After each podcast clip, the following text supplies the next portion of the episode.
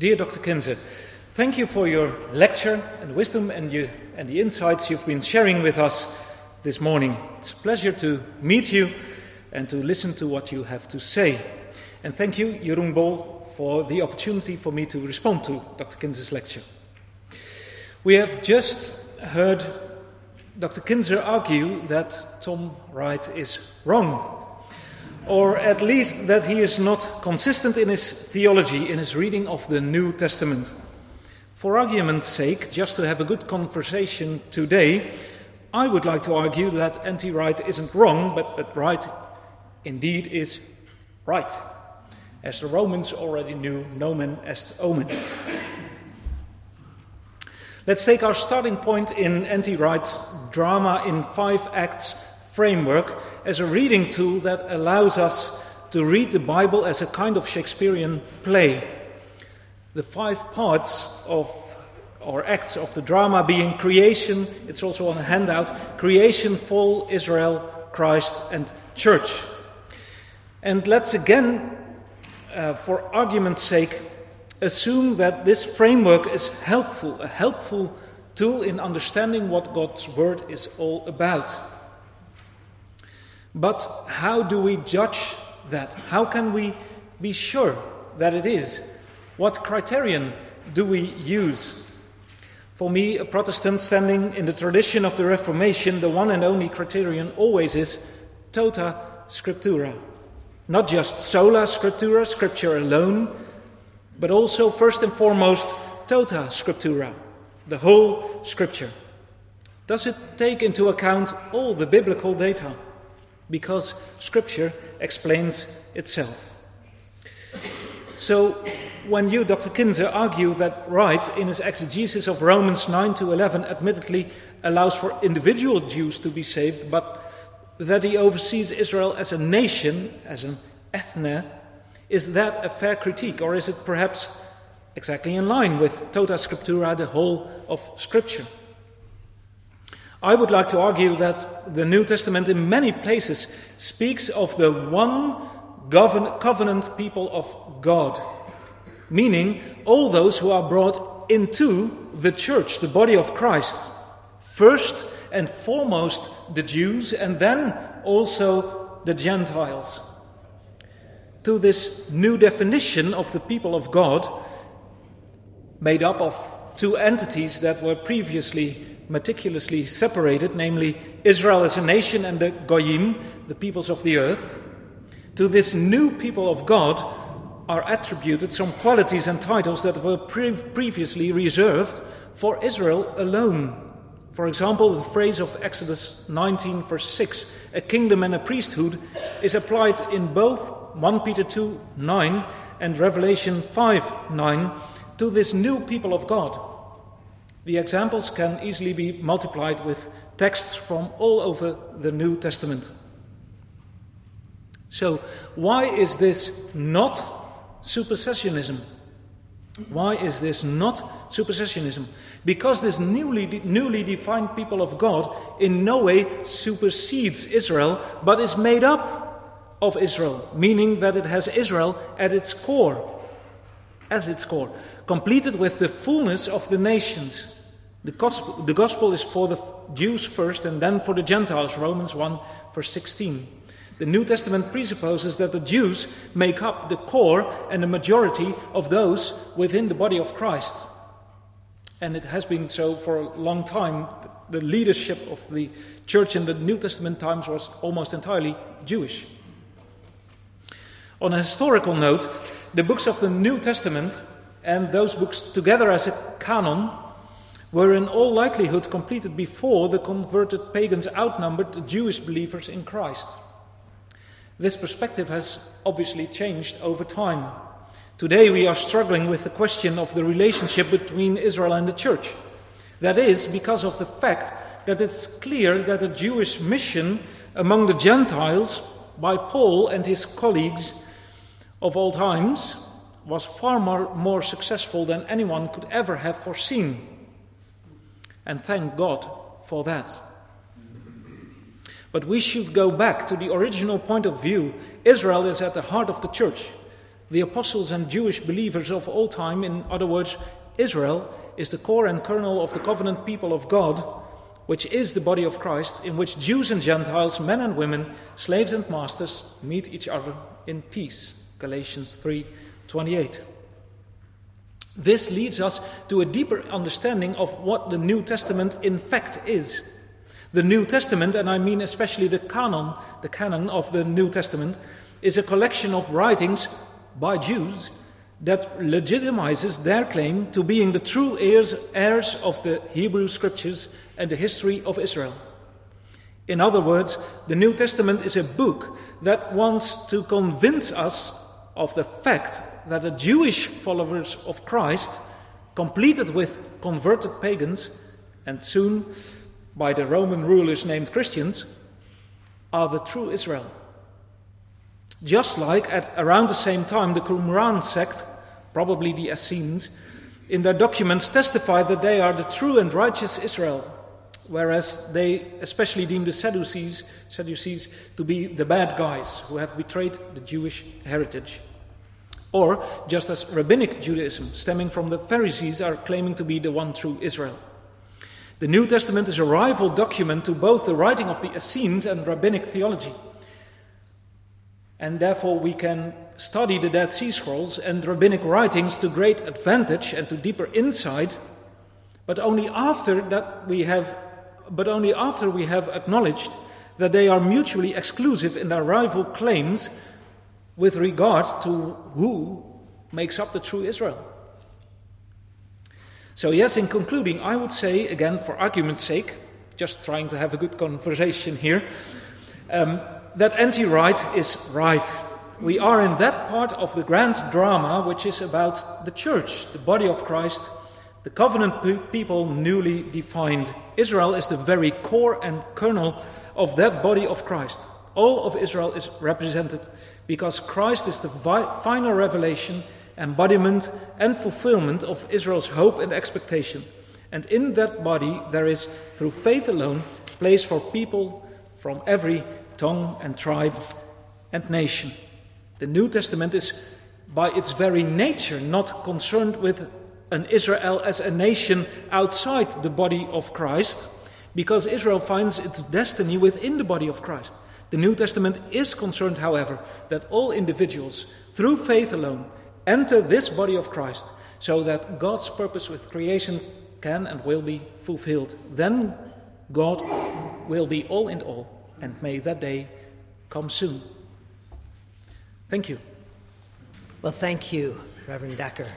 Uh, I, uh, I think you are a, uh, an able champion of, uh, of N.T. Wright, and it's good to have someone uh, defending, defending his honor in our midst. Uh, I was trying to do it too, but uh, in a somewhat, a somewhat more critical mode. Uh, I'll only make a couple of uh, comments here. I think.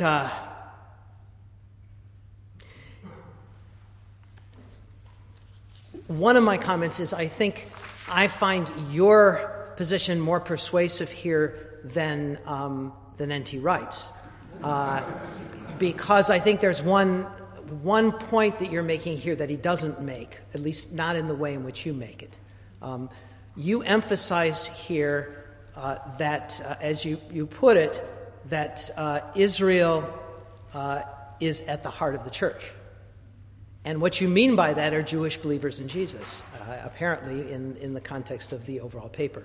Uh, I've never seen N.T. Wright say that. Um, uh, what I think it would imply, if you were not, sim- if you are stating that not simply as a descriptive statement about what the auth- authors of the New Testament held, but presumably also as a kind of a, a fundamental uh, ontological statement about the enduring reality of the church. That means there has to be a continuing Jewish presence within the life of the church, at the very heart, as its very heart. And then the question gets raised if you adopt N.T. Wright's ecclesiology, in which there is no visible distinction uh, between Jews and Gentiles in the church. How can you possibly have, across generations, a Jewish reality that's a visible Jewish reality that's at the heart of the church?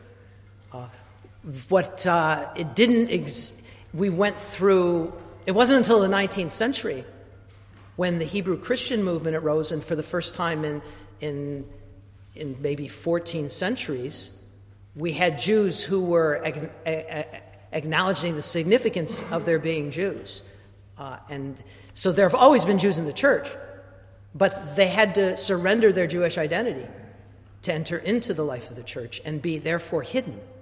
Uh, and presumably to have Israel be identified in particular here with Jews, um, uh, Israel according to the flesh, which N.T. Wright would not normally simply want to call Israel according to the flesh Israel um, in, in, in, the way in which you do in this paper when you say Israel at the heart of the church. Um, in order to have that as a, as a reality, then there has to be some way of preserving and expressing Jewish identity visibly within the life of the church, which is one of the central contentions um, that um, N.T. Wright argues against. Um, so um, that's why I, I find your, uh, your paper more persuasive. I still have some reservations, uh, but uh, I think they, they largely have to do with uh, Romans 11 and how we are uh, to, to see what Paul is actually saying about the, uh, the all Israel of, of Romans 11. And, um, but I, I, I think your, as I said, your case is more persuasive here. Um, uh, one small point I would want to make, but it's one that, that uh, I think it's worth making because it's also a point that N.T. Wright does make. Um, uh, N.T. Wright does try to use this illustration of Qumran or Rabbinic Judaism, etc., as illustrations of the kind of supersessionism which is um, legitimate and which is represented also in the New Testament. Um, I don't think it, is, it can be said actually true of Rabbinic Judaism. Um, in in, uh, in the, the Mishnah or the Talmud or in rabbinic writings, they never claim that the only true is the only ones who are truly part of Israel are those who are adhering to uh, acknowledging them as authoritative. Um, they would claim their Judaism was the only authentic Judaism. That's different than to say that they are the only authentic Jews or the only Jews. Uh, and uh, the, the, basically, the view of rabbinic Judaism has always been all Jews who are born, uh, uh, uh you know, as part of the Jewish community uh, are, are Jews in Israel, whether they're adhering to rabbinic norms or not. Um, and, uh, and, and I, th- I think that there's a, a, an approach to the, the life of the church that could be also as generous in its way of relating to the breadth of the people of God. In other words, a way of saying we believe that our understanding in Jesus is the, uh, the true and authentic understanding of the inheritance of Israel, and yet we can also acknowledge that, the, that, that Israel is a broader reality than, uh, than the reality that's represented by our boundaries. But, so. Friends, if I may call you so, it is uh, once again a pleasure to hear Mark Kinzer speak and to be able to briefly respond to your lecture. As Mark reacts on the academic oeuvre of Tom Wright, respective of his insights on the people of Israel as a people. And I, hearing you endorse um, almost everything you said, but not all of it, so also be critical. According to Wright, Jesus combats Jewish nationalism by transcending, superseding, and nullifying basic Jewish symbols. Hence, present days Israel has no covenantal meaning at all, no more than Holland has or Germany or Cambodia. In Jesus, the church transcends, supersedes, and replaces Jewishness as well as Jewish identity markers, although the core of the ecclesial root is as Jewish as can be, and this is quite scriptural as I say so. Israel was called, dedicated, and appointed to be the light of the world.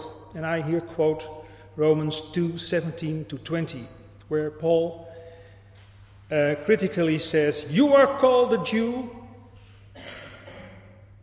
and rest on the law, and make your boast in God, and know His will, and approve the things that are excellent, being instructed out of the law and are confident that you yourself are a guide to the blind, a light to those who are in darkness, an instructor of the foolish, a teacher of babes, having the form of knowledge and truth in the law.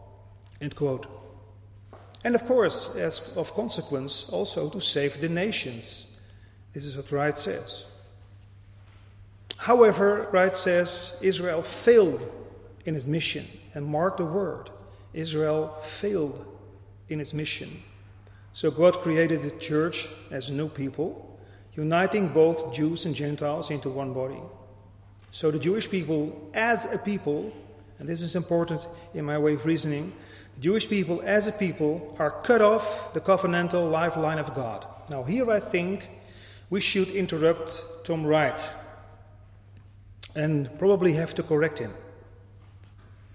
A couple of years ago, and I'm not aware uh, if you know about the book, but the dissertation was written by Tommy Givens. You know the book. It was under the uh, supervision, I think, of Stanley Hauer, was, was it, at Duke University. Well, a couple of years ago, Tommy Givens, nowadays teacher of New Testament at Fuller Theological Seminary in California, wrote his dissertation. And here you have the same word we, the people, Israel, and the Catholicity, not Catholic, but the Catholicity of Jesus. And it really blows your mind that Jesus is a Catholic thinker.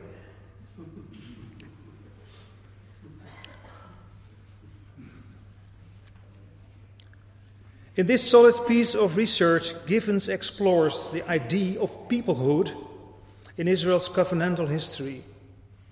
Accomplished by God, Israel is a people of God by election and he says, Tommy Givens, which is a material one, not merely a formal one, a timeless one, thought about by God from eternity, pre elected or something like that. No, it's a choice that has been worked out in a materialistic way by history. Election unfolds by history, not by mere mental intentionality.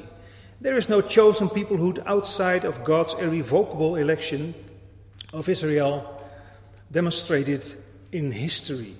Self chosen peoplehood always equals heresy. Always. We don't decide.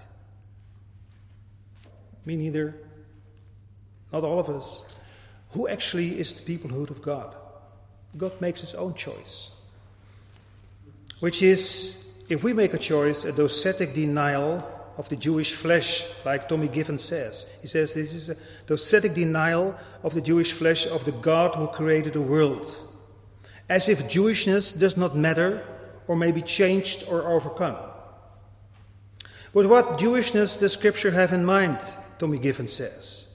And here, this is very interesting. It is not biologically or ethnically set. Not so.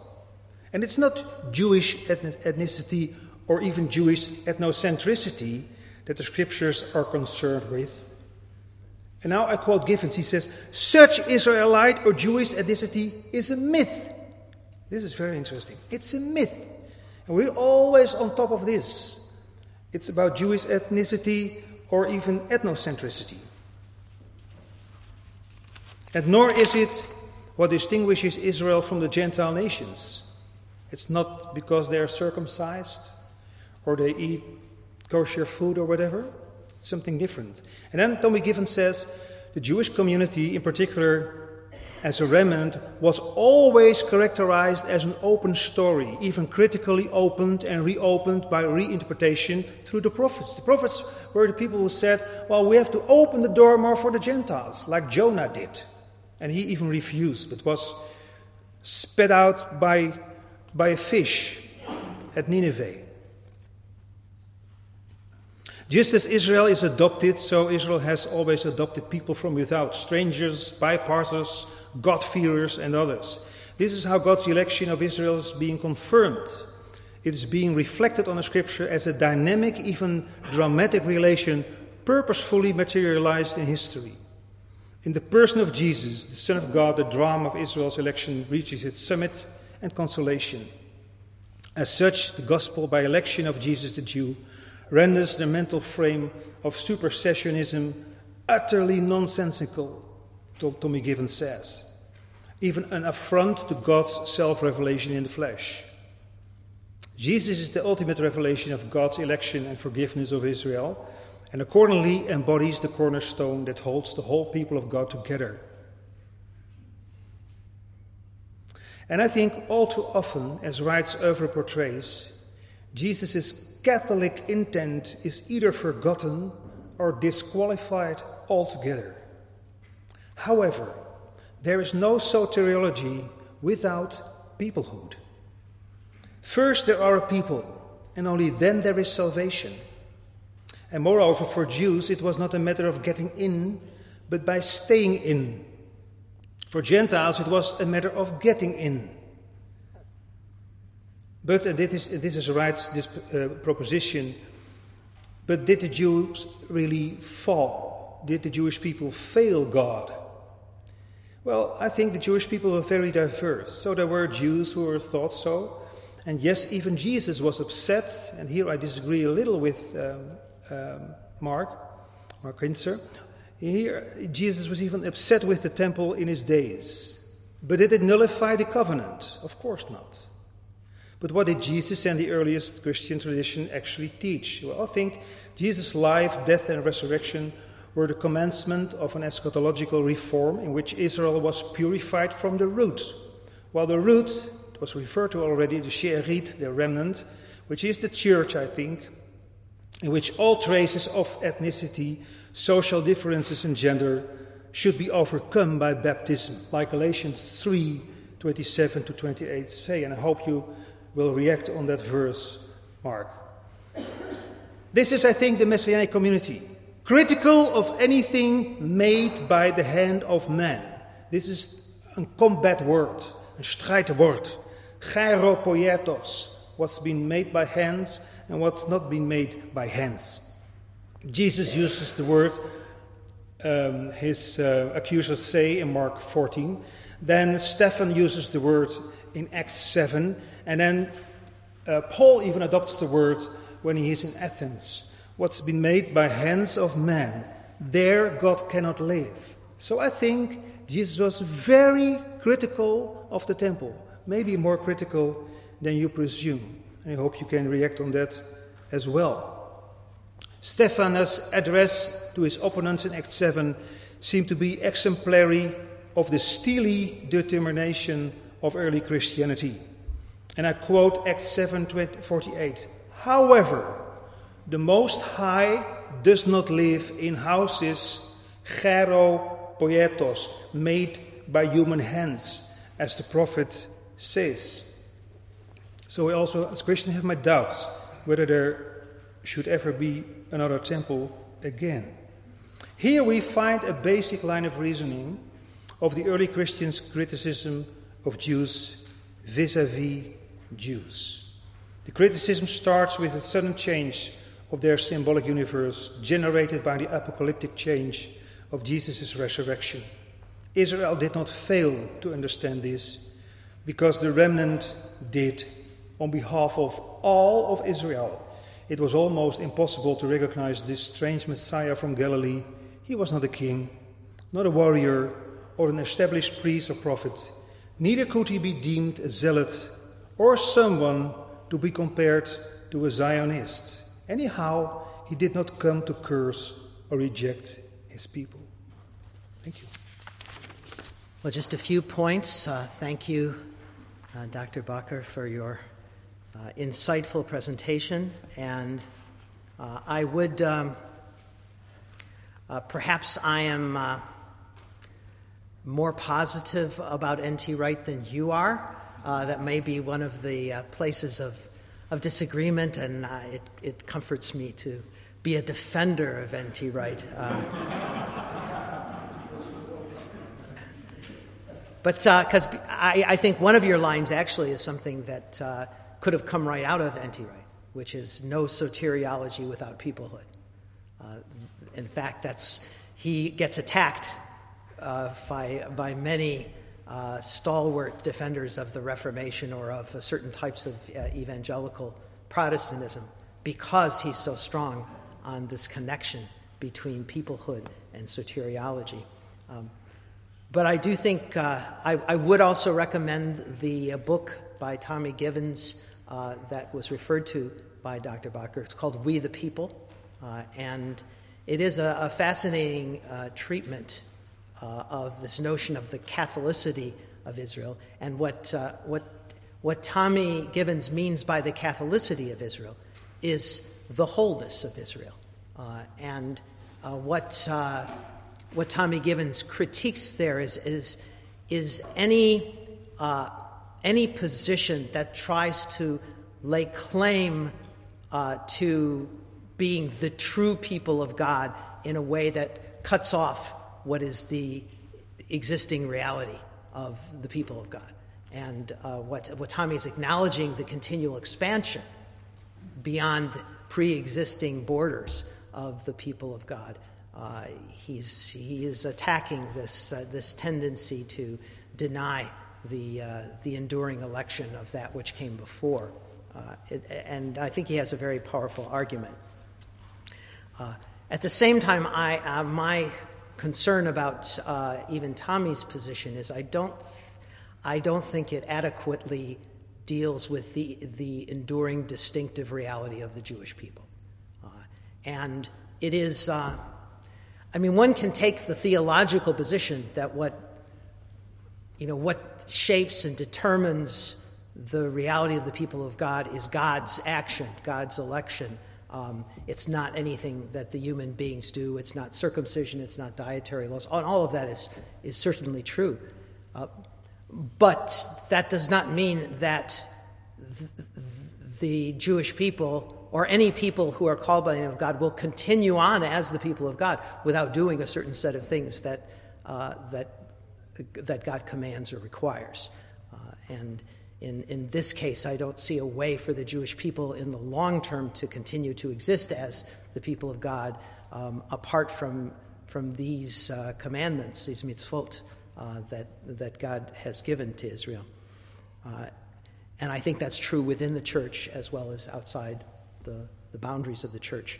Uh, on Galatians uh, 3, uh, yes, uh, uh, as I was trying to indicate earlier, I, I understand Galatians 3 to be talking about status distinctions, uh, or that it is an attack on any kind of hierar- hierarchical positioning of Jews in relation to Gentiles, of masters in relation to slaves, and, and, and uh, male in relationship to female, uh, but that it is not uh, an attack on distinctive roles. Uh, there's a difference between hierarchical roles and distinctive roles. Uh, and I think the very existence of the Jewish people or of Jews within the life of the church depends on there being identifiable, visible, distinctive uh, roles. on this, the last point, the, dealing with the temple. Um, of course, I mean, I would love to talk more about the, the temple. It only came up in, in the, the question and answer time earlier as opposed to my own presentation. Uh, but um, I, um, my interpretation of Stephen's speech in Acts 7 is that it is not uh, an attack on the temple, but that it is an attack on false understandings of what the temple is.